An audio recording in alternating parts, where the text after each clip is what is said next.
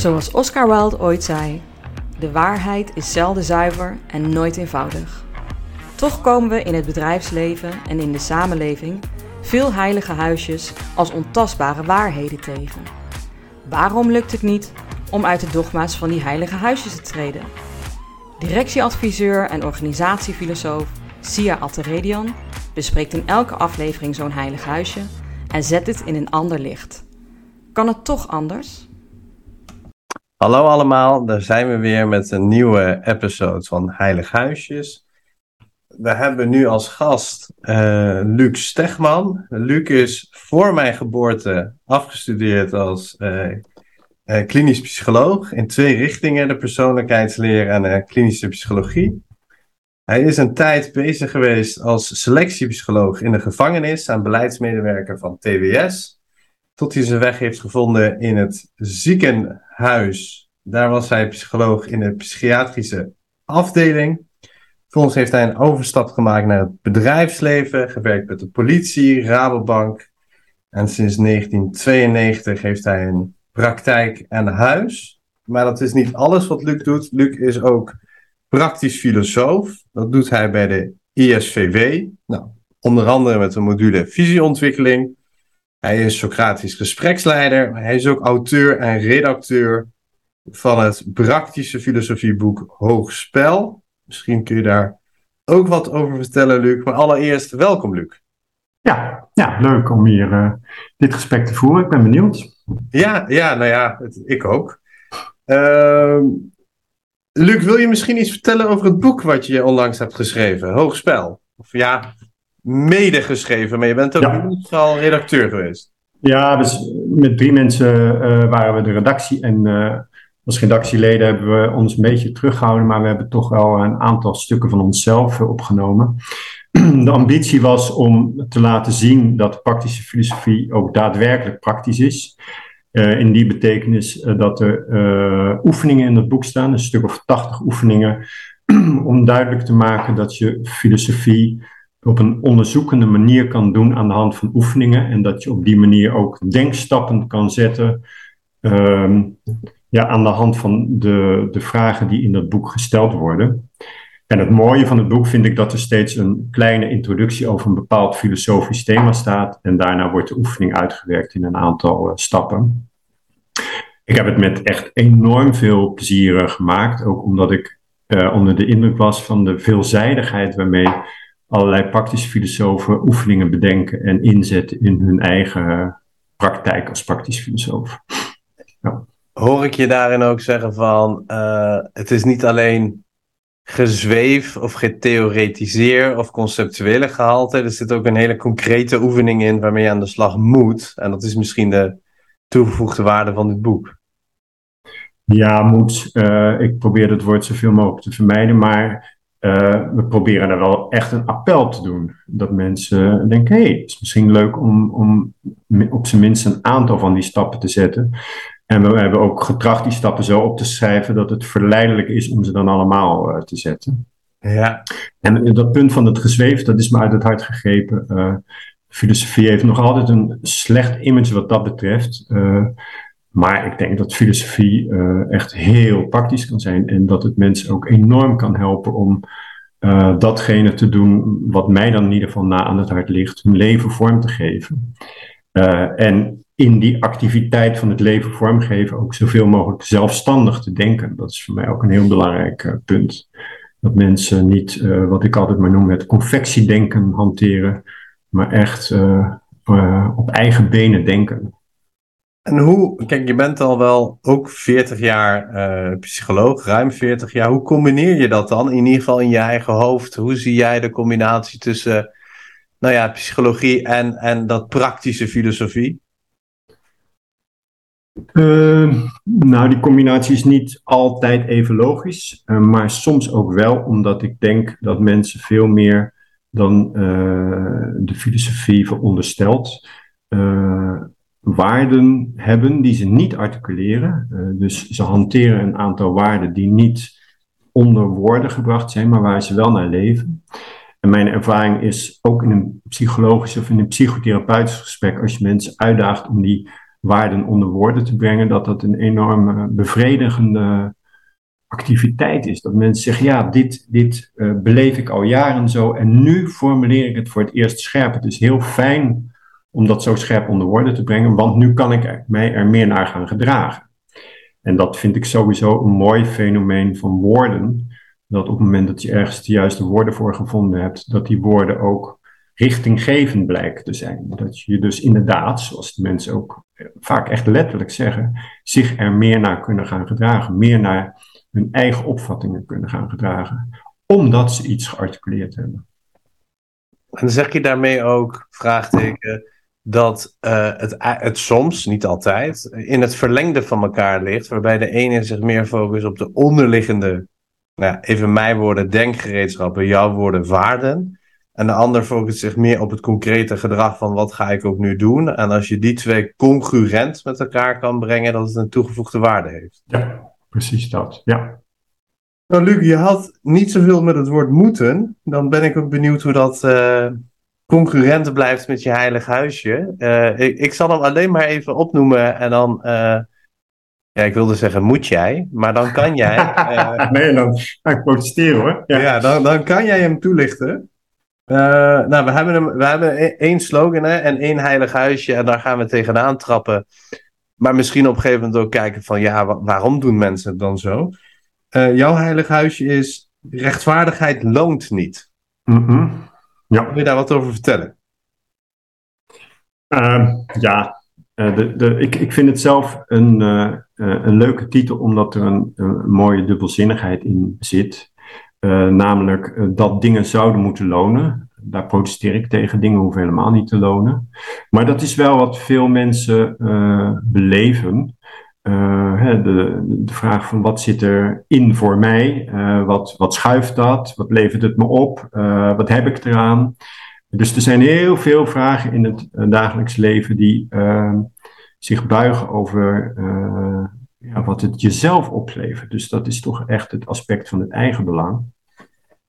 En in combinatie met het woord rechtvaardigheid vind ik dat een lekker contrast, omdat rechtvaardigheid, wat mij betreft, het belang van het geheel is. Dus dat is iets overkoepelends. Rechtvaardigheid gaat niet alleen maar meer over jezelf, maar over uh, mensen daaromheen, over de context, over de wereld. Um, en er staat dus een, een groot, breed woord, rechtvaardigheid, en er staat loont niets. En ik vind dat daar wel een prettige spanning tussen zit, uh, omdat ik denk dat rechtvaardigheid en niet lonen, dat zijn woorden die niet zoveel met elkaar te maken hebben.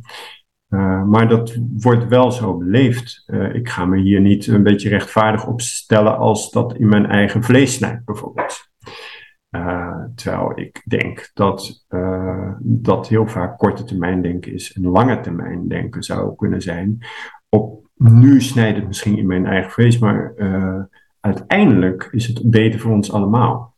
Ja, ja, en er zijn natuurlijk zat voorbeelden uit de kranten en het nieuws te halen waarop dit thema uh, van toepassing is. Dus hè, het was. Regio, ja. Ja, dus ik zou zeggen, laten we dat ook doen. Want het was je uit het hart gegrepen om uit het gezweef te blijven. Dus laten we dat, dat ook doen. Kun je, kun je het toepassen op een concrete casus die nu in de actualiteit, of misschien hoeft niet eens in de actualiteiten, maar.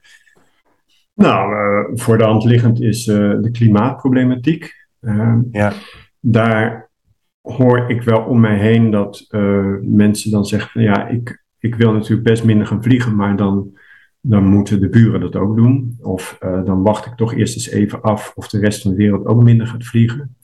of ik hoef nou ook niet de eerste te zijn die dat gaat doen.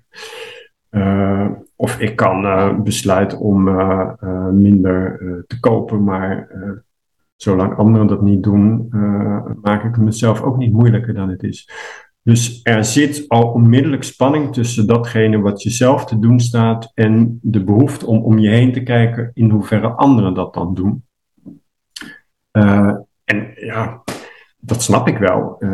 wat dat betreft is niets menselijks bij vreemd, maar ik denk dat je daar ook overheen zou moeten stappen.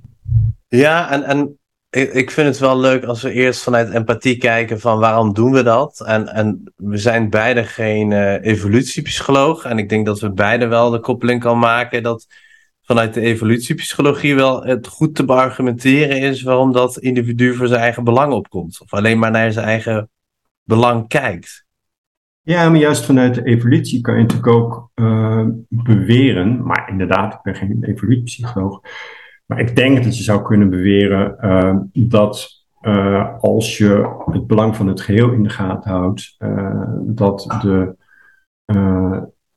de soort in ieder geval makkelijker doorgaat. Hè. Bijen zijn altijd een traditioneel en ook heel goed voorbeeld, want die kunnen zich opofferen voor de gemeenschap. Maar datgene wat ze doen is wel dat ze die bijenkasten intact houden en zorgen dat het goed gaat. En zo zijn er wel meer dieren. En een hoog ontwikkelde uh, soort als de mens zou dat dan niet kunnen. Dat, dat is niet waar. Ik denk dat mensen wel degelijk tot uh, allerlei min of meer belangeloze activiteiten over kunnen gaan om in ieder geval een ander te redden. In het water springen en een kind uit het water vissen. Dat gebeurt.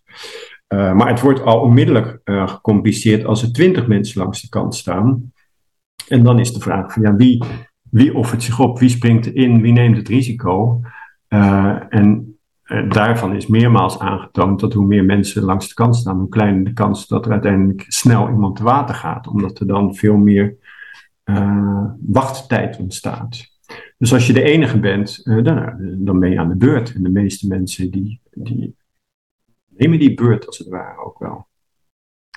En nou ja, mijn, vraag was, maar misschien hebben we voor een deel al beantwoord. En uh, Gabriel ten Brink, daar hebben we het ook mee uh, hier over gehad. Maar mijn vraag is, waar, waarom doen we dat dan niet? Hè? Dus um, ik weet niet of je de film Don't Look Up... Heb je de film Don't Look Up gezien? Nee. Aanrader gaat over het klimaat... Uh, en ook ontkennen van dat klimaat. Hm. Terwijl de meteoriet op je afkomt en hij is gewoon te zien. En ontstaat er een Trumpiaanse groep, hè, dat, niet, niet letterlijk, maar een beetje fictief. Die zegt: Don't look up. Kijk gewoon voor je en zet de ene voet voor het andere. Kijk gewoon. Dan heb je er geen last van. Ja. ja. Dus ik ben ook wel, en ik ben het met je eens. Kijk, terwijl wij dit uh, gesprek aan het voeren zijn, is het onrustig in de wereld. Ja. Uh, en het is op, onrustig op, op meerdere vlakken. Het is onrustig in Iran, het is onrustig in Rusland, het is onrustig in Jemen, het is onrustig. Maar het is in Nederland ook onrustig. Dus ook uh, een vaccinatie voor een ander. En nu, intussen weet ik al niet meer of dat loont of niet. Maar er was een tijd waarin het toch duidelijk was dat dat wel handig was om te doen. Um, of geen wc-papier hamsteren voor een ander. Dat, waren, dat zijn toch dingen waar we blijkbaar niet toe in staat zijn. Dus ik, ik wil ook even kijken van waar, waarom lukt het dan niet? Wat is, wat is daar het mechanisme dat, dat die rechtvaardigheid.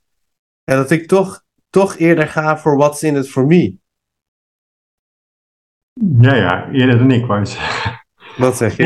Ja, ja, ik probeer daar juist overheen te stappen. Dat ik denk, ja, dat, dat, uh, dat is mijn korte termijn behoefte. Maar op de lange termijn heb ik er belang bij dat uh, uh, meer mensen in deze wereld gelukkig zijn. Of dat uh, mensen niet zozeer tegen elkaar opgezet worden. Of dat er minder mensen agressief zijn. dus het, ik denk dat er ook heel veel spanning zit tussen korte en lange termijn. Denk ik. Ja. En op de lange termijn is het fijner als mensen een prettig bestaan hebben. En dat dat prettige bestaan, uh, dat ze zich daarin gezien en erkend voelen en uh, niet miskend en niet voortdurend op hun ziel getrapt. Uh, en dat acties die duidelijk maken dat de ander gezien wordt, dus echt in het belang van het geheel zijn. Ja, als ik dan goed naar je luister, noem je eigenlijk twee factoren. Je zegt één of meer mensen. Dus er staan er uh, meer mensen die dat kind zien verdrinken. Hoe meer mensen er zijn, hoe meer mensen denken, nou, die andere zal wel kunnen springen. Terwijl als je alleen staat, denk je, het is mijn beurt. Ja. Dat is goed, ja. En je noemt daar het korte en lange termijn, denk je bij. Mm-hmm. Uh, vervolgens geef je ook aan van, ja, het, dat is misschien ook hè, mijn eerste neiging of ons eerste neiging. Dat we toch een egoïstisch wezen zijn als, als eerste neiging, maar dat we ook de capaciteit hebben om daar overheen te stappen. Ja, ja. En ik durf wel te beweren, uh, en dat is mijn waarneming hoor, dat is allemaal niet zo erg gefundeerd, maar dat de meeste mensen op het moment dat ze zich daar overheen stappen, dat als een uh, verdieping van hun leven ervaren en als een toegevoegde kwaliteit aan hun leven. Ah. Dus um, dat er ook nog zoiets is als eigen belang op de langere termijn. Op het moment dat je in overeenstemming met uh, je eigen waarden leeft uh, en in overeenstemming daarmee met jezelf, dat je een prettiger leven leidt. En eh, kijk, ik begeleid wat teams en leidinggevenden in organisaties. Jij ziet ze, nou, jij, jij doet dat misschien ook op een bepaalde manier, jij, maar je ziet ze ook in de therapiekamer. Ik zie veel vervreemding. Vervreemding van, van de zelf, van de ander, maar ook op zoek naar betekenisgeving. Zou dit dan ook een stukje betekenisgeving kunnen zijn? Zeker, ja. ja. Dat, dat dat in dat opzicht ook een verrijking is voor de mensen om juist voor de ander iets te doen. Ja, ja wat, wat een belangrijk punt voor mij is, is dat rechtvaardigheid niet een uh, wel omschreven begrip is. Rechtvaardigheid is juist een heel vloeibaar begrip en rechtvaardigheid is altijd contextafhankelijk. En uh, waar het mij om gaat is dat het gesprek erover gevoerd zou moeten worden.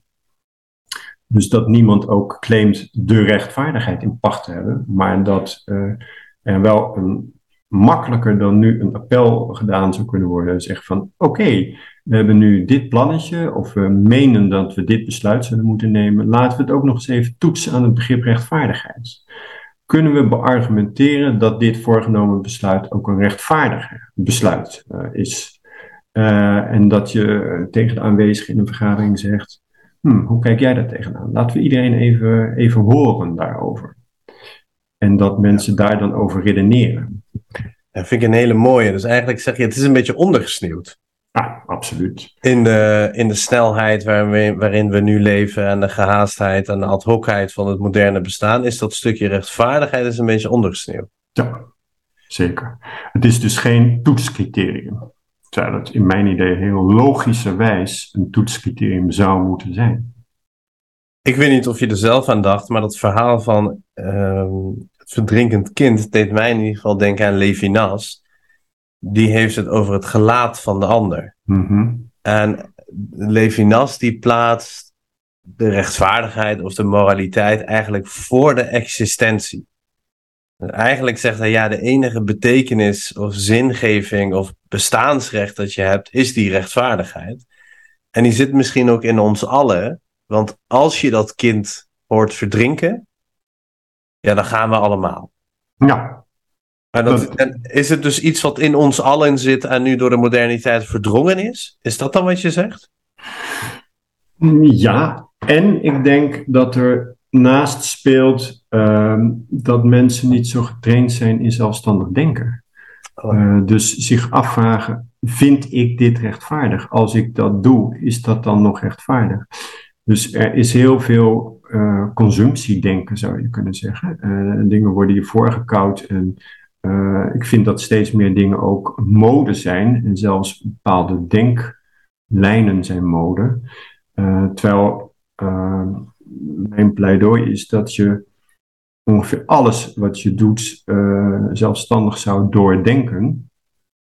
En ik zeg wel eens tegen mijn patiënten dat ik het een criterium van volwassenheid vind als je de opvoedingsboodschappen die je van je ouders gekregen hebt, een keertje door je heen trekt en er zelfstandig over denkt, ben ik daar nou eigenlijk mee eens of niet?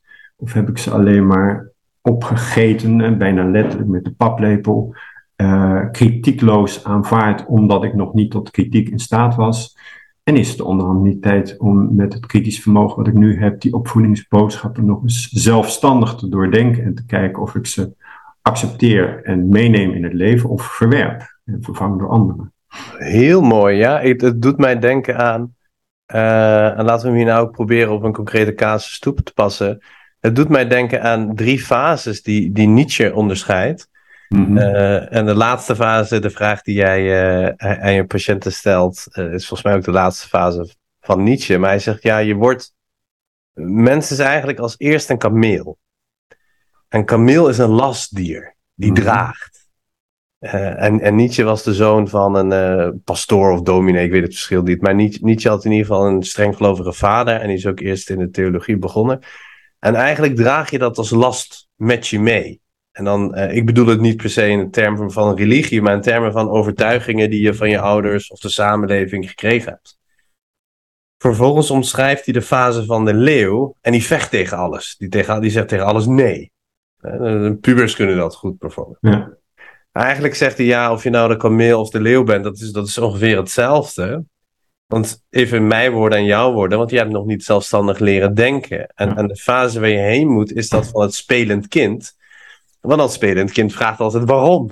Jij hebt kinderen, Luc, dus misschien heb jij die fase ook meegemaakt, waarin kinderen constant bij alles vragen waarom. Ja, hartstikke leuke fase. Want dat, ja, echt heel, heel erg leuk is dat. Want dat dwingt je als ouder ook om daar echt goede antwoorden op te verzinnen. Het was mijn eer na om te zeggen daarom. Of nou, het is nou eenmaal zo. Of neem het maar aan. Ik, ik, ik heb dat altijd beleefd als een echt een start van een leuk gesprek. Uh, en geprobeerd, maar dat zou je aan mijn kinderen moeten vragen of het gelukt is, maar geprobeerd om daar dan een gesprek over te voeren. En is het zo dat, ik, ik ben het redelijk met je eens, dus... Um... Redelijk? ja, ja, nou ja, ik, ik weet nog niet, uh, we zijn het aan het, uh, aan het uitdiepen en aan het uitzoeken. Uh, kijk, je zegt ergens, we zijn er wel toe in staat, we zijn het verleerd, dus mensen zijn niet zo getraind. Ja, dat is wat ik beweer vooral. In het zelfstandig denken. Het is niet om de vanzelfsprekendheid. Ja, en, en, uiteindelijk doen we die toets in de, in de praktijk niet. Hè? Dus als, we, als ik het heb even over mijn context, en voel, voel je vooral vrij om toevoeging te doen vanuit jouw context, is die. Uh, nou, deze vind ik een heftige, maar ik ga hem toch doen. Ik weet bijvoorbeeld dat in een ziekenhuiscontext. Uh, professionals, dan het kunnen chirurgen zijn, heel lacherig kunnen doen over een verpleegkundige wiens man aan het overlijden is. En uh, dat komt ook door die druk en die hoge spanning waar ze onder staan, maar ook omdat dood, ja, is de dagelijkse gang van zaken. En voordat je het weet, is dat type denken van ik ben stoer en uh, hardcore en snel wordt modieus. Hè? Dus ik gebruik even jouw woorden. En worden de besluiten die ook worden genomen, die kunnen heel onmenselijk zijn, omdat die toets van rechtvaardigheid ontbreekt. Dus ik zou het een hele mooie vinden als in iedere context, de uiteindelijk aan de hand van zo'n vergadering of een besluit, nog even de toets is van, is dit ook het beste voor het collectief? Of is dit ook nog het rechtvaardige om te doen? Ja, ja. En ik denk dat het veel problemen voorkomt. Een ander uh, voorbeeld is natuurlijk de toeslagenaffaire. Ik ben er niet bij geweest, maar het lijkt mij redelijk aannemelijk dat die, dat rechtvaardigheidscriterium daar niet vierkant in de vergaderingen daarover op, op tafel heeft gelegen. En dat het ook niet bij herhaling uh, getoetst is, weten wij zeker dat dit rechtvaardig is. En hoe kunnen we dan die rechtvaardigheid onderbouwen. Uh, laten we dat ook eens als collectief doen. Uh, zijn we het daar met z'n allen over eens? Ik geloof in dit soort opzichten ook heel erg in het belang van het collectief, omdat een collectief daar een gesprek over kan voeren. In je eentje kan je makkelijk verdwalen in een, in een of andere uithoek van je eigen belang, terwijl je het niet eens doorhebt. Dus ik, ik neem dat niet op voorhand iedereen kwalijk, maar het is wel zo gebeurd. En op het moment dat je bereid bent om uh, zo'n vraagstuk in, uh, in, in de groep waarin je verkeert voor te leggen, is de kans dat het rechtvaardiger wordt sowieso al groter. Ja, en ik wil daar wel een toevoeging op doen. En dan ben ik ook vooral benieuwd hoe jij dat in jouw praktijk ervaart als je met die individuen zit. Ik, ik denk dat er ook, en, en, en echt exact hoe de toeslagenaffaire is gegaan, weet ik niet. Behalve ook wat, wat jij en anderen ook in het nieuws lezen. Um, maar ik weet wel dat zo'n context, dat zo'n organisatiecultuur, waarbij bijvoorbeeld gezegd heeft van, nou ja, iedere euro die we moeten investeren, daar moeten we er drie op terugverdienen met toeslagen. Dus die economische rationaliteit, dat wordt op een gegeven moment, even in jouw woorden weer, het modieuze denken. Ja, en, en, en de toetsen. Dus ja. dan is er een nieuwe toets geïntroduceerd die een hogere toets, want ik denk dat je daar best rangordens in zou kunnen maken, namelijk is het ook nog eens rechtvaardig, als het ware wegdrukt.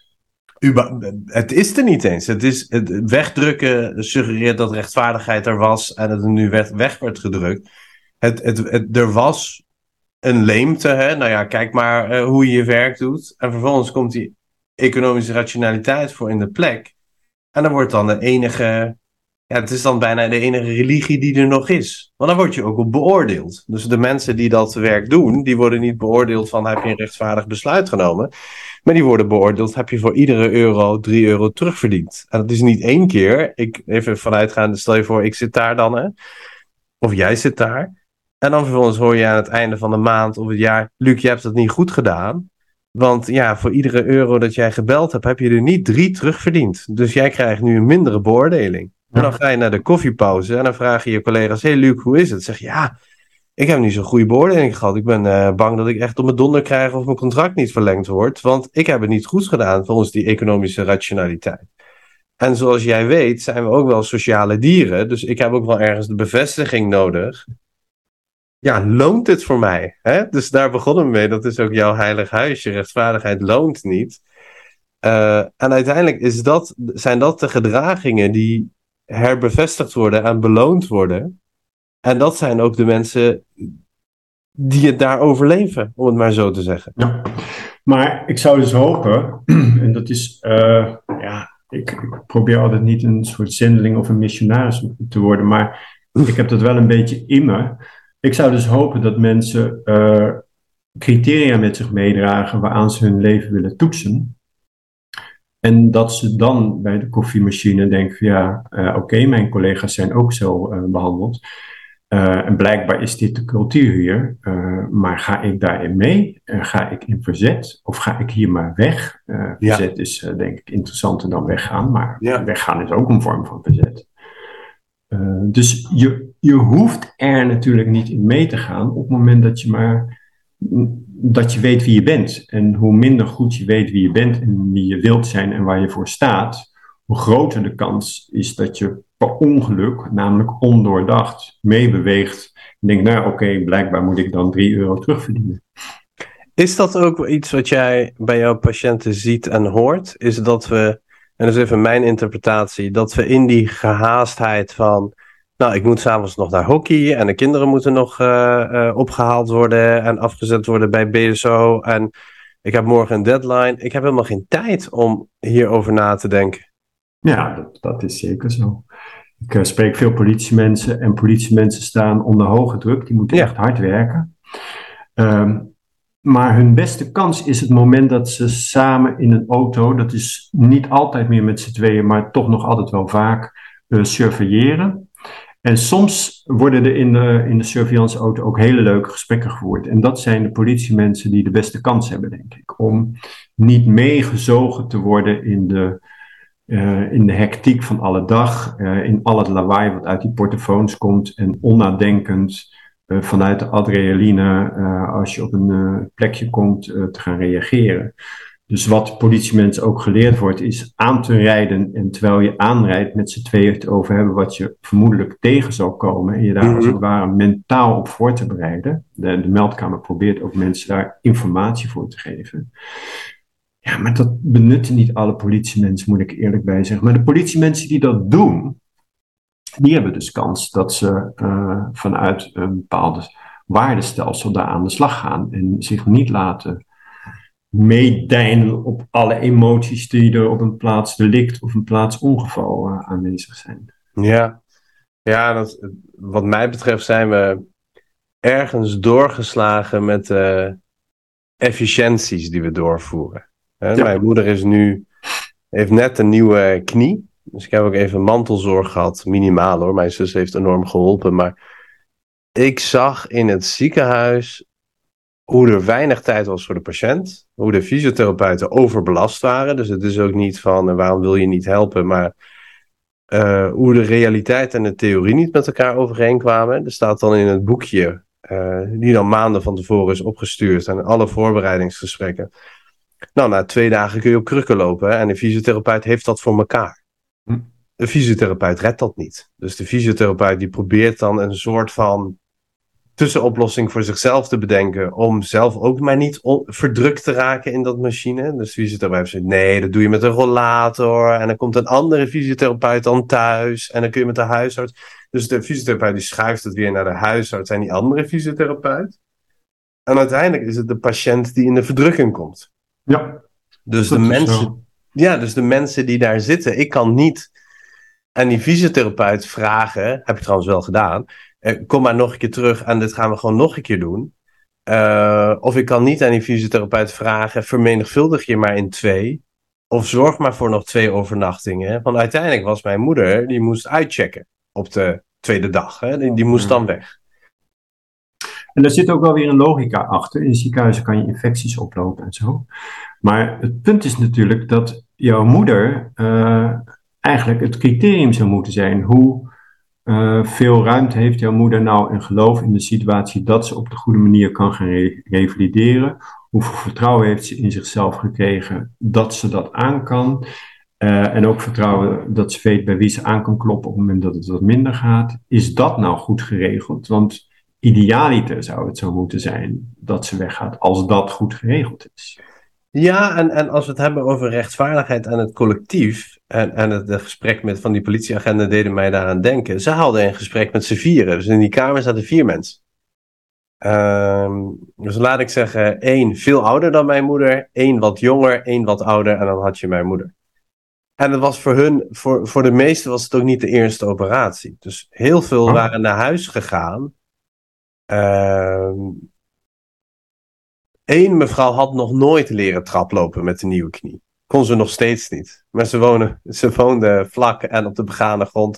Die, zij kan nog steeds niet traplopen. Dus ik vraag me af hoe moreel of rechtvaardig ben je bezig als je een patiënt hebt die is nu weg en die is dan weer teruggekomen voor de andere knie, dus drie jaar later. En ze kan nog steeds niet traplopen. Weet je, het criterium zou moeten zijn is dat die patiënt, als zij, hij of zij naar huis gaat, moet kunnen functioneren. Ik denk met mijn moeder komt het helemaal goed, want zij hebben dat opgevangen en er was veel steun. Maar er zijn ook heel veel mensen die dat niet hebben.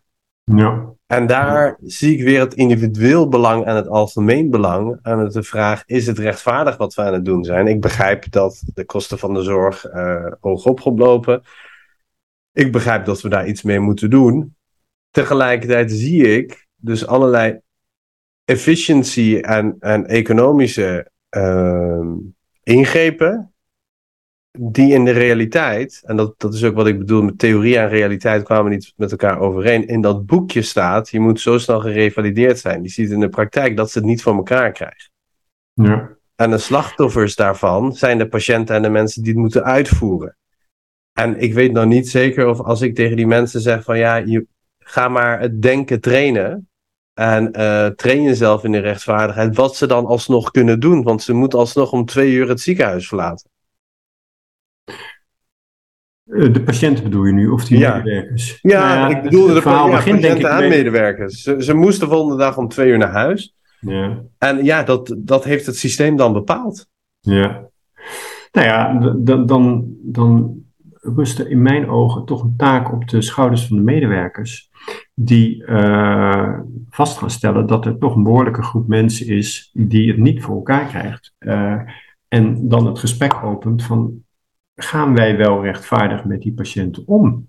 Als wij iedereen in het keurslijf proppen dat je binnen twee dagen weg moet. En er blijkt een zus en zo grote groep mensen te zijn die dat niet kan, ja, dan klopt er iets niet. Eh, en ik denk eerlijk gezegd dat het mooi zou zijn als de mensen op de werkvloer dan een opvatting ontwikkelen over wat de verbeterde eh, opvatting zou zijn. En wat rechtvaardiger is. En eh, ja, ik ben er wel voor dat dat altijd weer een gesprek is. Dus dat er ook en dan, loop je tegen een ander probleem aan. Er is geen tijd om dat gesprek te voeren. Maar dat er dus wel tijd zou zijn om een groep professionals een gesprek te laten voeren. Of het met ontslag sturen van mensen met een nieuwe knie na twee dagen eh, rechtvaardig is en hoe dat beter zou kunnen. Ik ben het volledig met je eens als je zegt van we zijn het eh, zelfstandig denken verleerd. En daar moet gewoon meer tijd voor zijn. Dus die tijd zouden we ook ergens moeten maken en creëren. Met alle complexiteit die er op ons afkomt. Vooral nu, wanneer, er, eh, wanneer we zo gehaast bezig zijn, wanneer alles zo snel gaat, dan, dan loont dat des te meer om dat te doen. Ja, en ik vind het mooi dat we nu twee voorbeelden hebben van volstrekt verschillende schaal. Namelijk eh, knieën van oude mensen of zelfs de knie van jouw moeder. Dat is een Mhm. hele concrete knie. Ja, En uh, klimaatverandering. en in beide gevallen, ook al is de schaalgrootte een enorm verschil, speelt rechtvaardigheid en speelt in mijn idee dat dat een individuele verantwoordelijkheid is om je daarmee bezig te houden. Ja, en in beide gevallen komen denk ik ook korte termijn en lange termijn denken en de collectief en het individu ook terug. Ja. Dus ik denk op de korte termijn merken we dat die, ja, die mensen komen dan alsnog terug bij de zorg. Dus het is, weet je, er moet alsnog een fysiotherapeut ergens komen. Dus de zorg, ja. uh, infecties, et cetera, et cetera. En mijn moeder is op zich best een fitte, actieve vrouw. Dus ik, uh, zij, was de, zij was het meest verre in haar operatiekamer zal haar knieoperatie minder soepel gelopen hebben dan die van Ruud van Nistelrooy. Die uh, toen hij zijn kniebanden moest uh, vervangen toen hij van PSV naar Manchester United ging. Dus ik snap dat er ook mensen zijn die het... Uh, Nog sneller doen. Ja, maar tegelijkertijd zie ik wel ehm, dat het individu in dat grote machine het onderspit telt. Dus wanneer het ziekenhuis heeft bepaald, je moet om twee uur naar huis. En dat gebeurt in een teamoverleg. Ik denk bij de overdracht of zo kijken ze hoe zelfstandig zijn mensen. Hoeveel steun is er voor ze. Uh, dus die zien ook dat wij met velen binnenkomen, et cetera. Dan, dan bepaalt het systeem ergens, je moet om twee uur naar huis. Ja. ja, en ik denk zelfs helaas dat het niet eens zo aan het ziekenhuis is, maar aan de verzekeraar. Precies. en aan de ehm, afspraken die gemaakt zijn met de minister en de budgetten die zijn vastgesteld. Budgetten, ja. Dus daar wil ik nu heen. Dus ik ben het volledig met je eens dat we ons moeten trainen aan, aan, aan wapenen.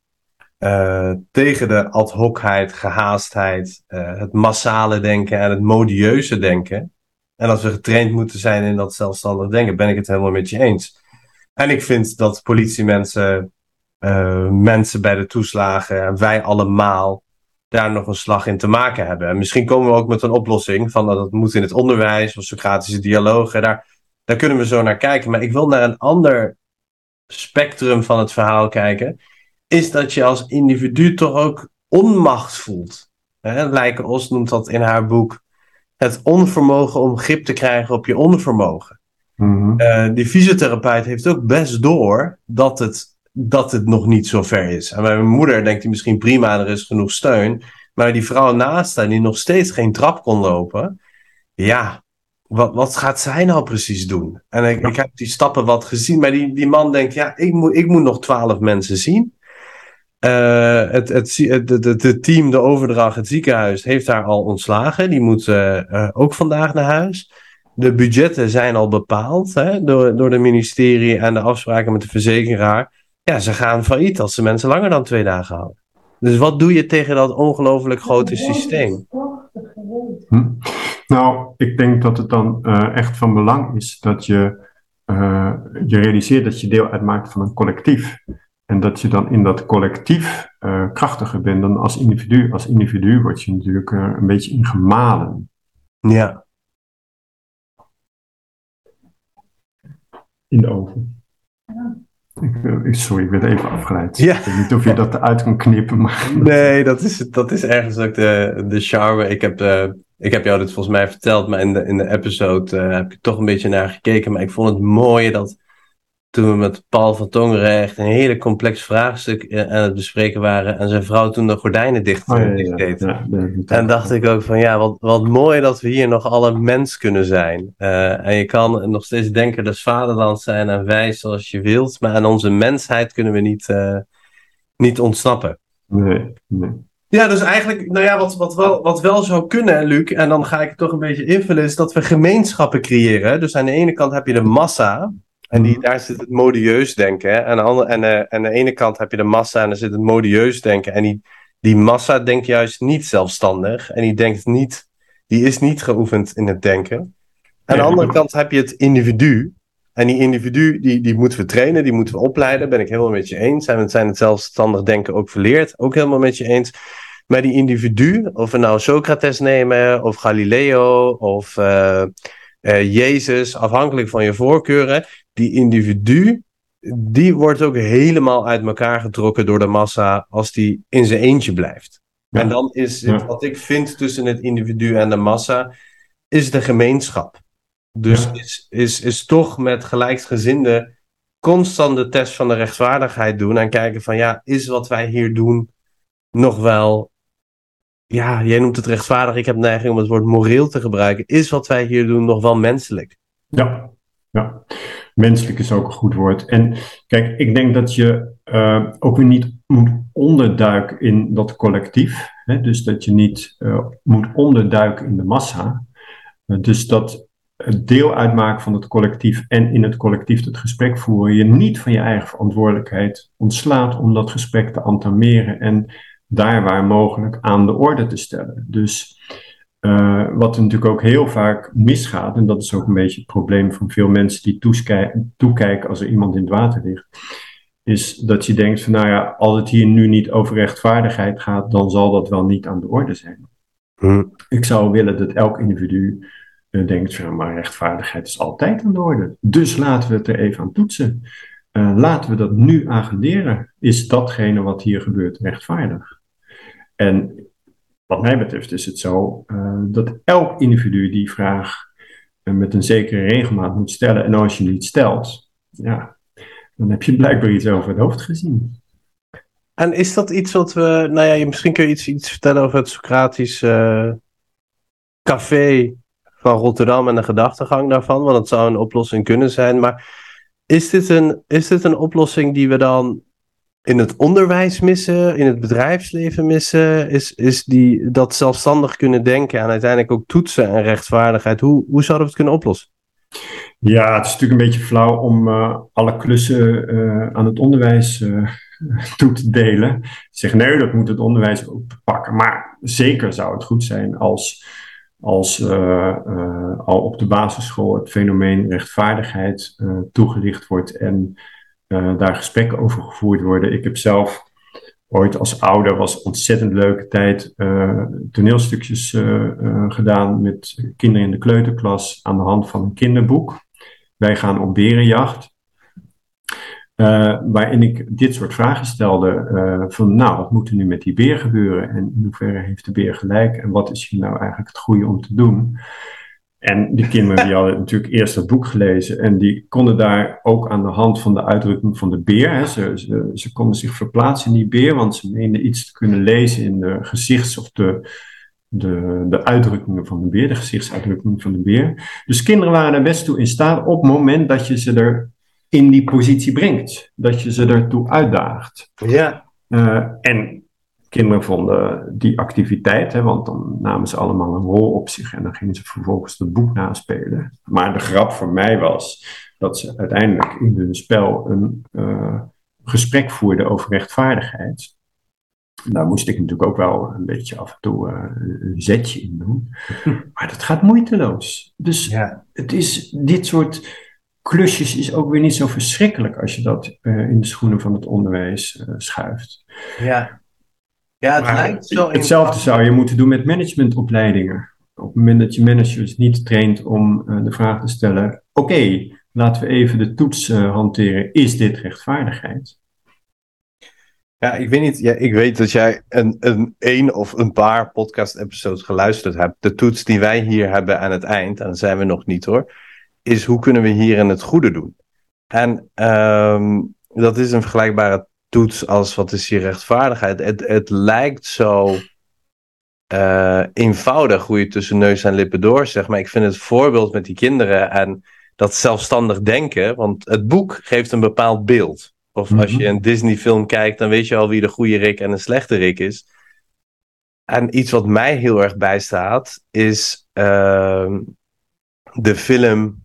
En, en ik, ik, ik hou niet van Nederlandstalige cinema en, en films, maar uh, ik ben ooit met een ex-vriendin naar Alles is Liefde of Alles is Familie, een van die, een van die saga's geweest. En ik merkte dat ik echt volledig in de war was. En mijn rechtvaardigheidsgevoel begreep niks van die film. Terwijl die film neemt je mee in een bepaalde flow. Dus de muziek en de scènes, die bepalen je emotie. Dus je gaat eigenlijk dat zelfstandig denken zit er niet in. Hè? Dat modieuze film bepaalt hoe jij denkt en wat jij voelt. Daar ga je als het ware in mee. Maar er is een scène, er zijn meerdere scènes waarin uh, die vrouw uh, in die film verliefd wordt op de broertje van haar man. En vervolgens krijgt ze ook een kind met de broertje van haar man. Ah, ja. En ik heb die film met een arts gezien en ik begreep van haar, ja, die, die pheromonen van die man, die zijn ook nog, nog eens extra aantrekkelijk nu, want je, je draagt zijn kind. Dus biologisch gebeurt er ook nog wat. En dat was zogenaamd een prachtige liefdesverhaal waarin die vrouw scheidde van haar man en met zijn broertje er vandoor ging. En ze leefde nog lang en gelukkig. Nou, die film kwam niet door mijn rechtvaardigheidstoets. Dus in dat geval stond mijn zelfstandig denken aan. Waarin ik nou naar de bioscoop was en een, een of andere kerstfilm aan het bekijken was. En me echt ernstig afvroeg waar de kerstgedachte was. En tot mijn teleurstelling was ik de enige die daar moeite mee had. Ja, ja. Nou ja, dat zou eh, de stelling eh, wellicht rechtvaardigen dat je er toch enige training in moet hebben om het eh, te kunnen zien. Op het moment dat je die gevoeligheid niet daarin geoefend bent, dat je op een gegeven moment dingen veel consumptiever neemt en eigenlijk helemaal niet ziet waar de, de moeilijke plekken in zo'n film zitten, de discutabele afslagen. En Luc, als we dan teruggrijpen op je heilig huis, je zegt rechtvaardigheid loont niet. Moeten we dan rechtvaardigheid gaan belonen, zodat het eh, interessanter wordt voor mensen? Of is dat juist een drogreden? Want rechtvaardigheid doe je juist niet om je beloning. Dus hoe, de, mijn vraag is eigenlijk, hoe realiseren we die verandering? Is dat door een beetje aan te sluiten en zeggen van nou, dan gaan we het een beetje belonen? Dus mensen die dan niet al het wc-papier mee naar huis nemen, zodat de mensen... Krijgen een bonus. Die Ja, krijgen een of- rol cadeau. Of, of, of, of op zijn minst eh, ehm, eh, klappen bij de kassa. Ik zeg maar wat. ja. Hè. Het kan ook wat. Nee, ik denk dat we het niet moeten belonen. De, de beloning is eigenlijk redelijk intrinsiek. Op het moment dat je eh, oog hebt gekregen voor rechtvaardigheid en weet dat je het probeert en ook weet dat je een gebrekkig mens bent en dat je daar natuurlijk ook best een fout in maakt. Maar je weet van jezelf wel dat je het probeert en je hebt daar gesprekken over, ook, ook binnen je vriendenkring. eh, dan zit er op zichzelf al voldoende beloning in. En ik, ik ben op zich niet zo erg tegen belonen, maar eigenlijk eh, wil ik nou juist het hele punt van het eigen belang een beetje uit. En Mm. elke beloning zou ook weer dat punt van het eigen belang versterken. Dus op het moment dat mensen doorhebben uh, dat rechtvaardigheid ook een, een vorm van verlicht eigenbelang is, dat uh, deel uitmaken van een gelukkig collectief uh, heel aangenaam is. Uh, maar dat is natuurlijk een vorm van lange termijn denken. Mhm. Dan zit die beloning er wel in. dus ik denk dat je mensen dan eerder zou moeten trainen in het zien van beloningen die impliciet zijn.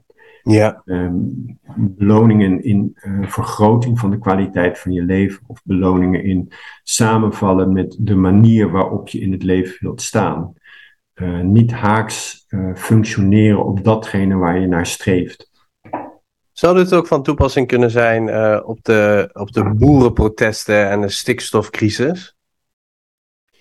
Ja, dat is iets ingewikkelder, denk ik. Mhm. ik. Ik weet niet of we dat voorbeeld nu zo uit moeten werken, maar ik, vind het prima hoor. Uh, kijk, ik denk dat boeren ook uh, zich miskend voelen omdat ze het idee hebben dat ze niet gezien worden als deel van het collectief. Mhm. En dat er ook een ontsporing plaatsvond doordat de boeren geïsoleerd werden van de rest van de gemeenschap. en ze, denk ik nog redelijk terecht ook, de indruk kregen van wij zijn de groep die ervoor op moeten draaien. Dus op het moment dat je zichtbaar maakt uh, welke groepen wat moeten doen en waarom dat redelijk zou zijn, en dat het helaas niet zo zal zijn dat offers altijd gelijk verdeeld zijn. Dus zo zit de wereld niet in elkaar.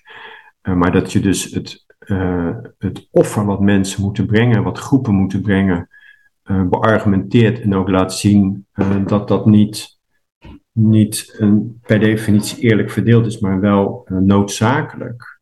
Dan gaat het al veel beter. Nou, ik vind het eigenlijk wel een heel mooi voorbeeld. Toch wel. En ik, weet je, die twee criteria die we hadden als factor tijd, korte termijn, lange termijn, en, en anderen, die zie ik wel bij de, bij, de, bij de huidige tijdsgeest. Dus ik wil niet zeggen per se deze regering, maar de huidige tijdsgeest van politiek terugkomen. Er zit een verdeel en heers in. Ja. Dus er zijn nu boeren die, uh, die het gedaan hebben. En, en toen het de toeslagenouders waren, was het ook een kleine groep. En het is blijkbaar lukt het ons tot nu toe onvoldoende om voor het, naar het gezamenlijk belang te kijken.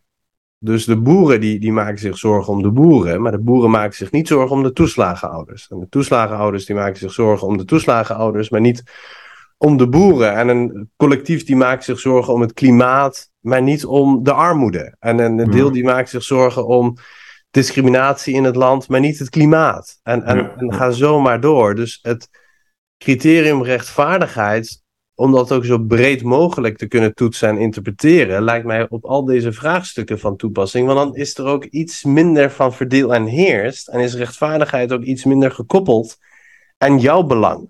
Ja. En ook aan what's in it for me.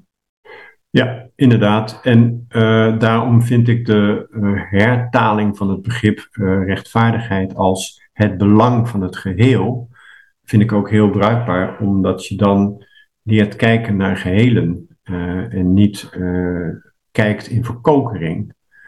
Dus mensen worden wel, vind ik, verleid om oogkleppen op te zetten en verleid om naar eigen belangen te kijken. En dat, dat vind ik op zichzelf prima, maar je moet net zo goed verleid worden om naar algemene belangen te kijken en het belang van het collectief. En dan eigen belang en collectief belang af te wegen. Ja, en hoe ver gaat dat collectief belang? Want ik denk wel dat er ook iets wat het, even advocaat van de duivel spelende, iets wat het ook compliceert is. Kijk, vroeger keek je gewoon in je dorpske wat er speelde en dat was dat het collectief. Maar door ja, gewoon de media, het internet, is de wereld gewoon een stuk kleiner geworden. Dus is het algemeen belang, en wat mij betreft is dat zo hoor, maar is het algemeen belang ook uh, wat er in Afghanistan gebe gebeurt? Weet je, uiteindelijk belanden die mensen als vluchtelingen in Nederland en in Syrië, dus het lijkt mij wel maar je ziet wel hoe verder de afstand, hoe minder men het als algemeen belang ziet. Ja, ik denk ook dat uh, mensen, uh, dat, dat, dat, is volgens mij ook wel bewezen op het moment dat je mensen als uh, meer gelijk aan jezelf beleeft. Beleeft, ja. Ja, dat je er wat meer voor over hebt. Dus er zijn een paar bewegingen. Je kan zichtbaar maken dat die anderen meer gelijk aan jezelf zijn dan je dacht. Dat mhm. is nuttig om dat te doen. Mhm.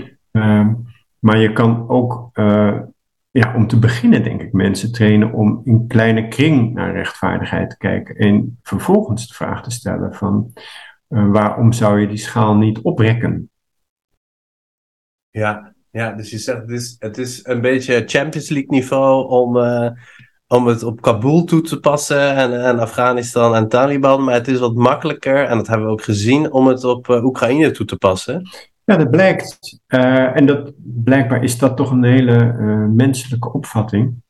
En, daarmee niet per definitie mooi, maar wel een realiteit waar je wat mee zou moeten doen. En vervolgens, op het moment dat je ziet dat mensen bereid zijn om Oekraïners in huis op te nemen, uh, ook het gesprek te gaan voeren. Ja, wat, wat maakt nou dat Oekraïners uh, mensen zijn die je wel in huis op zou kunnen nemen en Syriërs niet? En ik denk dat je dan redelijk snel het verhaal krijgt van cultuur en culturele verschillen. Maar dan, dan heb je het in ieder geval ergens over. En dan kan je dat ook weer problematiseren en je afvragen hoe ver je wilt gaan in het je verdiepen in culturele verschillen en kijken of je een brug kan slaan. Ja, en, en, en deze vraag had ik al enige tijd bewaard. Maar wat rechtvaardig is voor mij, kan iets zijn wat niet rechtvaardig is voor jou. Ja, en, zeker. Um, hè, en tot nu toe zijn we er denk ik makkelijk aan voorbij gegaan, omdat we allebei denken, nou daar moet je dan een Socratische dialoog over voeren en kijken hoe dat, hoe dat werkt. Maar ik, ik kan je wel vertellen, het druist, uh, ik begrijp het volledig, maar het druist tegen mijn rechtvaardigheidsgevoel in dat een kind, wat toch redelijk onschuldig is, van drie, um, op de grens van Europa mag sterven. En die beelden zijn er, hè? Dus de grens van Europa is ook het meest dodelijke grens van de wereld. Dat zou je niet denken, maar het is echt zo. Mm -hmm. Op die grens sterven de meeste mensen.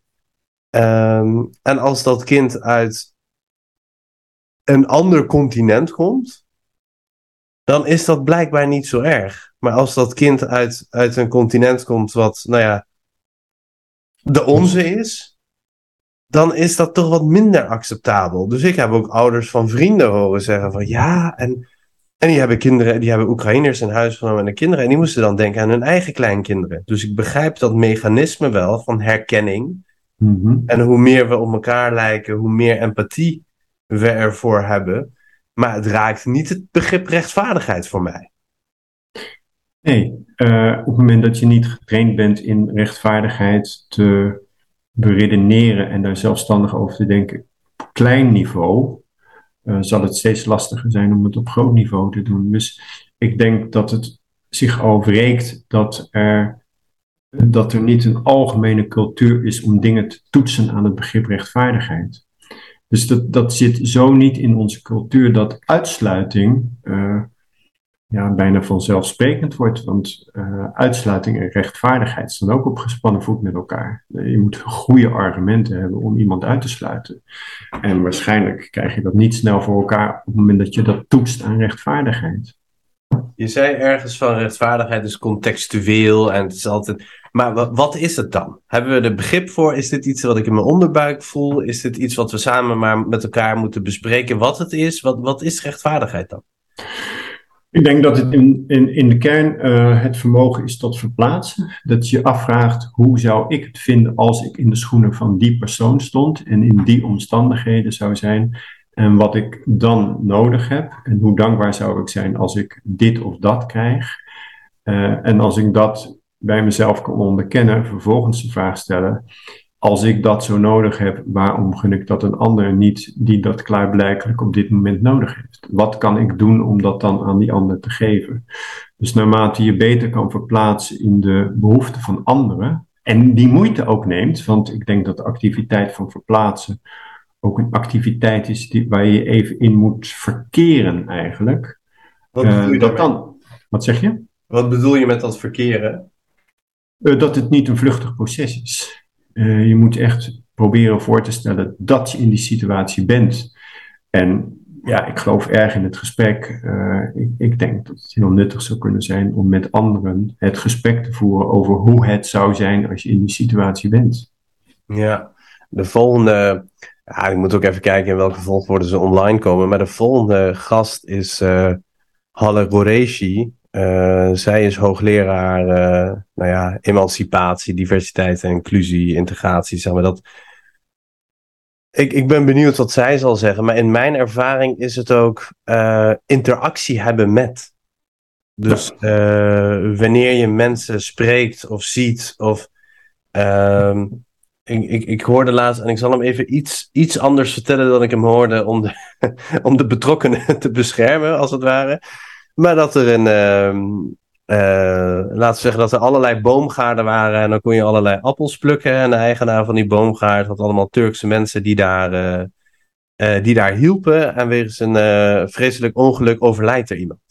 Mm -hmm. En dan beslissen ze, besluiten ze van alle opbrengst van die boomgaard dit jaar gaat, en er was redelijk wat, gaat naar de familie van diegene. Mm -hmm. Iedereen komt dan, zowel de familie van de overledene als de familie van de eigenaar, die komen dan vrijwillig helpen. En in die interactie zien ze ook dat ze redelijk vergelijkbaar zijn als mens. Dus dat het ook echt in de menselijke ervaring zit van, ja, hoe we als mens universeel toch dingen met elkaar delen. Ja. Dus dat zou ik ook een mooie toets vinden als je de protesterende mensen in Ter Apel, ga maar even langs en kijk maar hoe zij als, als mens functioneren. En, ja, uh, dat is natuurlijk niet zo uh, haalbaar, maar het zou ongelooflijk goed werken. Ik, ik ben ervan overtuigd dat als, als uh, mensen langs zouden gaan in Ter Apel en, en nou, uh, gesprekjes voeren met de, de, mensen die daar buiten de hekken bivakeren. Ja, en ik bedoel niet eens gesprekjes. Draai maar mee. Ga maar mee eten, ga maar naar de wc, ga maar ja, naar de... Nog mooier. Ja, en... Maar, ervaren maar. En, en ervaren, daar, ja. ja. En wat mij betreft is het ook, ja, misschien niet voor iedereen, maar zeker haalbaar. En, uh, nou, misschien niet voor de mensen in Ter Apel, maar de mensen die zo gechoqueerd zijn, en daar behoor ik ook toe hoor, door de mensen die protesteren in Ter Apel, zou ik zeggen, loop daar maar even mee. Want dan hoor je uiteindelijk dat er zorgen zijn dat de kinderen niet, uh, niet naar voetbal kunnen of niet naar schoolreisjes kunnen. Ehm, en dat die nieuwelingen, dat is dan het beeld, al die plekken dan opnemen. En dat die kinderen wel naar, school, naar uh, voetbal kunnen en op het schoolreisje kunnen. Ja. Ik denk dat, je die, dat het ook een kwestie is van doorleven met elkaar. Want als ik de ander zou behandelen hoe ik zelf behandeld wil worden, ik weet niet of dat voldoende is. Ik denk dat ik die ander moet behandelen zoals die ander wil behandeld worden. En soms verschilt dat. Het is, het is in ieder geval een stap, denk ik, als je de ander wilt behandelen zoals je zelf behandeld wil worden. Maar de verbeterde stap is dat je goed onderzoekt hoe die ander behandeld wil worden en die persoon dan ook zo te behandelen. Ja. Maar de slechtste stap is dat je daar helemaal niet in verdiept. Dat je gewoon doorgaat met je eigen zaakjes. En, en Luc, hoe zijn we hier beland? Want we zijn natuurlijk, en ik, en ik vind het, je zegt ik heb iets missionaris, ik vind het fantastisch. En ik ben het ook gewoon met je eens. Ik wil het toch e-, ook even over hebben van, ja, maar dat is niet de huidige situatie waar we het over hebben. Ik ben ook wel benieuwd van, hoe komt het toch dat we uh, ja, rechtvaardigheid als een transactionele uh, economische iets zijn gaan zien van ik wil best rechtvaardig zijn, maar dan wil ik er iets voor terug. En überhaupt, ik zie het niet dus terug in de gesprekken aan als toets. Dus hoe zijn we hier beland?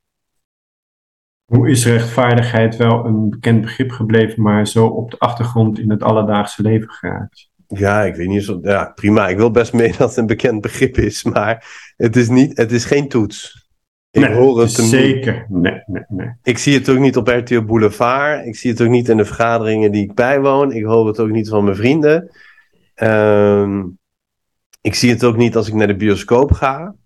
Uh, terwijl Levinas, waar we het eerder over hadden, die zegt: ja, dat is eigenlijk de eis. Hm. Voordat je mens bent, voordat je mag bestaan, is dat, is dat een beetje het belangrijkste wat er is. Ja, nee, mijn, hij vertaalt voor de filosofen onder ons. Een beetje pessimistische opvatting is dat we daar beland zijn omdat uh, echt zelfstandig denken uh, niet zo gangbaar is. Heel veel mensen uh, denken datgene wat klaarblijkelijk gedacht moet worden. En dat nemen ze over. En wat ik zei, dat het wat mij betreft pas echt volwassenheid is als je allerlei dingen die je in de loop van je leven als waarden en opvoedingsboodschappen en noem maar op toegediend gekregen, dat je die nog eens herkoudt en onderzoekt of die nou echt passend zijn of dat je ze uh, op een andere manier voor moet geven. Uh, ik, ik, denk dat het misgegaan is in de uh, gedachte dat die dingen zonder meer kloppen en dat het niet je verantwoordelijkheid is om dat nog een keer actief zelf te doordenken. En je zegt van ja, het hoort eigenlijk bij, je, bij de ontwikkelpsychologie of bij volwassenheid om dat zelfstandigheidsdenken te, te ontwikkelen.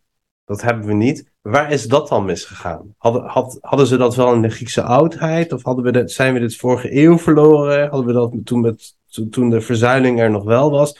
Heb je daar een idee bij? Of nee, heb je dat nooit gehad?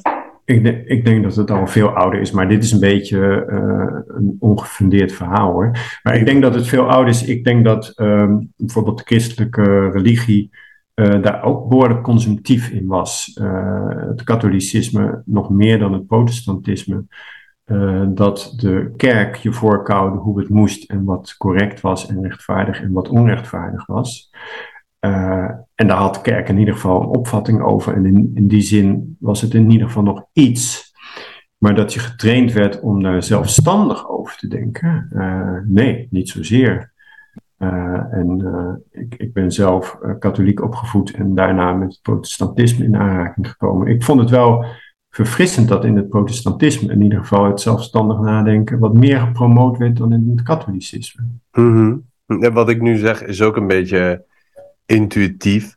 Maar is het ook niet als je allemaal zelfstandig denkende mensen hebt? Die zijn natuurlijk ook hartstikke vervelend. Als ik uh, een oorlog wil organiseren, of een nationale feestdag, of een collectieve beweging, ja, als ik allemaal zelfstandig denkende mensen heb, is dat voor mij als staat of voor als geestelijk leider ook wel irritant. Want dan gaan ze allemaal voor zichzelf denken. Is het, heeft, heeft het daar ook iets mee te maken, denk je? Ja, ik denk dat uh, uh, heel veel mensen helemaal geen zin hebben om over van alles en nog wat te onderhandelen. En dat polderen, uh, wat dan in Nederland gangbaar is, ja, dat wordt alleen maar toegejuicht als het weer eens een keer gelukt is. Maar op sommige momenten wordt het natuurlijk helemaal niet toegejuicht, omdat het leidt tot voortdurende impasses. Dus uh, je, je kan het met elkaar over dingen hebben, maar op het moment dat je niet bereid bent om je eigen belang tussen haakjes te zetten en het belang van de grotere groep of het belang van de kwetsbaarste groep. Dat, dat is niet per definitie het belang van de grootste groep. Soms moet je het belang van de kwetsbaarste groep uh, bijvoorbeeld voorop uh, zetten. Op het moment dat je niet die beweging kan maken, uh, ja, dan, dan gaan die gesprekken natuurlijk niet zonder meer goed.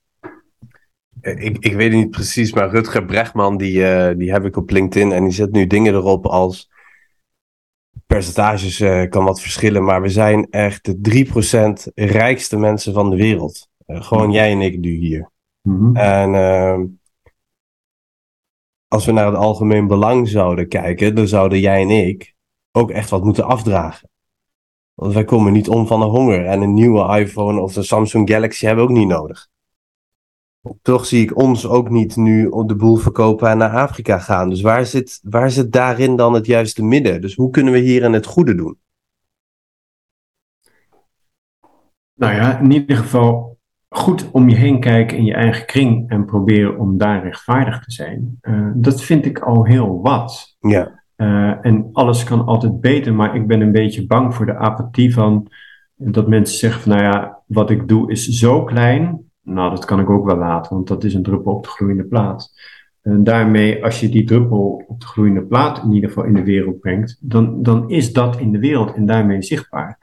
Dus op het moment dat je op kleine schaal dat gesprek over rechtvaardigheid voert en hem als toets invoert op elke plek waar je komt, uh, ja, dan, dan is dat in ieder geval wat.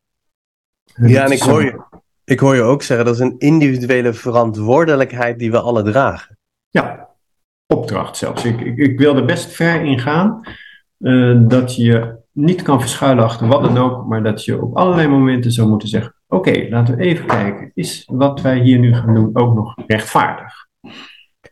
En even de hypothetische situatie, wat voor, die voor veel, veel mensen reëel is. Ik ga naar mijn werk en ik doe daar iets rechtvaardigs. En dan kom ik thuis, zeg ik, schat, ik was heel rechtvaardig, maar ik ben nu ontslagen. en, uh, en, we hebben twee kleine, twee kleine kinderen. Ja. Ja, dus het is, het, dat, dat realiseer ik me ook wel. Het is voor een deel natuurlijk een beetje vrijblijvend gehouden, want op het moment dat je in die situatie bent, is het niet makkelijk. En daar zijn natuurlijk ook voorbeelden genoeg van. Uh, het hele klokkenluidersfenomeen en hoe ja. klokkenluiders voortdurend gemangeld worden. Het is natuurlijk ook uh, een, ja, duidelijk, het maakt duidelijk dat rechtvaardigheid soms inderdaad niet loont. Dat je enorm te grazen genomen wordt op het moment dat je uh, de juiste dingen zegt. Maar nogmaals, je daarachter verschuilen... En, en, en, even toch, sorry dat ik je onderbreek, weer die twee factoren. Factor tijd, korte termijn, lange termijn en, en omstandersfactor noem ik het dan maar. Mm-hmm. Zouden we die klokkenluider ook wel makkelijker kunnen maken als we allemaal die opdracht hebben? Dus ja, dat het niet alleen die ene is. Ik ga nu toch wat meer in met je mee hoor. toch niet alleen die ene is die zichzelf opoffert. Toch niet alleen Galileo is die wat zegt. Of uh, Socrates is die wat zegt. Of Gandhi is die ergens voor gaat staan. Maar dat we, dat, dat we alle, met z'n allen die opdracht uh, tot ons nemen. Dan is het ook wat. Uh, dan krijg je wel een kip of een ei discussie. Maar als we allen die opdracht tot ons nemen. Dan is dat ook wat minder gevaarlijk om rechtvaardig te zijn. Maar is het een opdracht die we met z'n allen dragen? Ja, dat één. En twee, op het moment dat we dat met z'n allen doen, herkennen we de klokkenluider ook beter in zijn, uh, in zijn actie. Op het moment dat je uh, dichter bij het fenomeen rechtvaardigheid staat, omdat je je daar vaker mee bezighoudt, zou je ook sneller begrip hebben voor de klokkenluider. En uh, ja, denk ik sneller afvragen of je die persoon niet moet steunen op een of andere manier.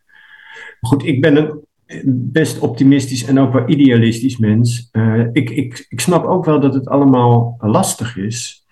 Maar als iets lastig is, vind ik dat nog geen excuus om het dan maar na te laten. Ja, dat doet me, volgens mij is dit uit de Torah. Doet me denken aan twee zinnen. If not now, then when? If not me, then who? Ja. Um, En ik denk ook dat als we nou, heel veel culturen, misschien wel alle culturen, antropologisch, hebben uh, verhalen over helden. En uh, heel veel van die verhalen gaan toch ook wel over rechtvaardigheid. Dus als wij in onze huidige cultuur ook meer rechtvaardigheid koppelen aan de held, dan is dat toch stiekem een soort van beloning, Luc. Dus ik hoop dat je me dat uh, vergeeft. Dan zouden we hopelijk ook wat beter voor het collectieve belang op de toekomst op kunnen komen. Want de problemen die we nu, waar we nu als samenleving tegenaan lopen, die zijn niet zo hapsnap op te lossen. Zijn, of het nou over het klimaat gaat, of herinrichting van de zorg, of uh, rechters die geen tijd hebben om hun werk te doen. Nou, ga zo maar door. Dat, dat, die kunnen we ook alleen maar tackelen als we het bereid zijn om op de korte termijn een investering te doen, om op de lange termijn het collectief te kunnen dienen. En ik denk dat dat wel, hoe vluchtig we dat misschien ook hebben geadresseerd, dat dat wel echt een mechanisme is, wat een aantal hele complexe vraagstukken, in ieder geval in Nederland, zou kunnen helpen, zou kunnen helpen in de oplossing. Ja, ja. Dus het, de actie is denk ik redelijk overzichtelijk, eh, namelijk rechtvaardigheid als toetscriterium invoeren op allerlei momenten. En dat ook als een individuele verantwoordelijkheid zien. Niet denken dat moet de ander maar doen, nee, dat moet je zelf doen.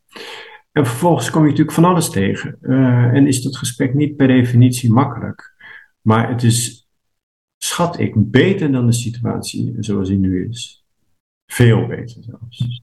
Ja, en ik zou daar aan toe willen voegen, wat heb je te verliezen? Ja, ook dat. Uh, nou ja, je hebt een beetje eigen belang te verliezen. Hè? Soms kom je tot de conclusie uh, dat je af moet zien van iets uh, wat je wel prettig vond, maar dat je het vanuit het collectieve belang toch maar niet doet. Ja, en dan zie ik een beetje. Ik heb nu. ik pak even de iPhone. Dus, en die heb ik niet hoor, maar even voor het gevoel. Zijn, zijn we, ik weet niet bij iPhone hoeveel we zijn, maar ik was al tevreden bij iPhone 4. Dus als ik, en volgens mij zijn we nu bij iPhone 13 of iets. Dus uh, laten we genoegen nemen met wat we hebben. En dat kleine extraatje maar op, opofferen voor het collectief.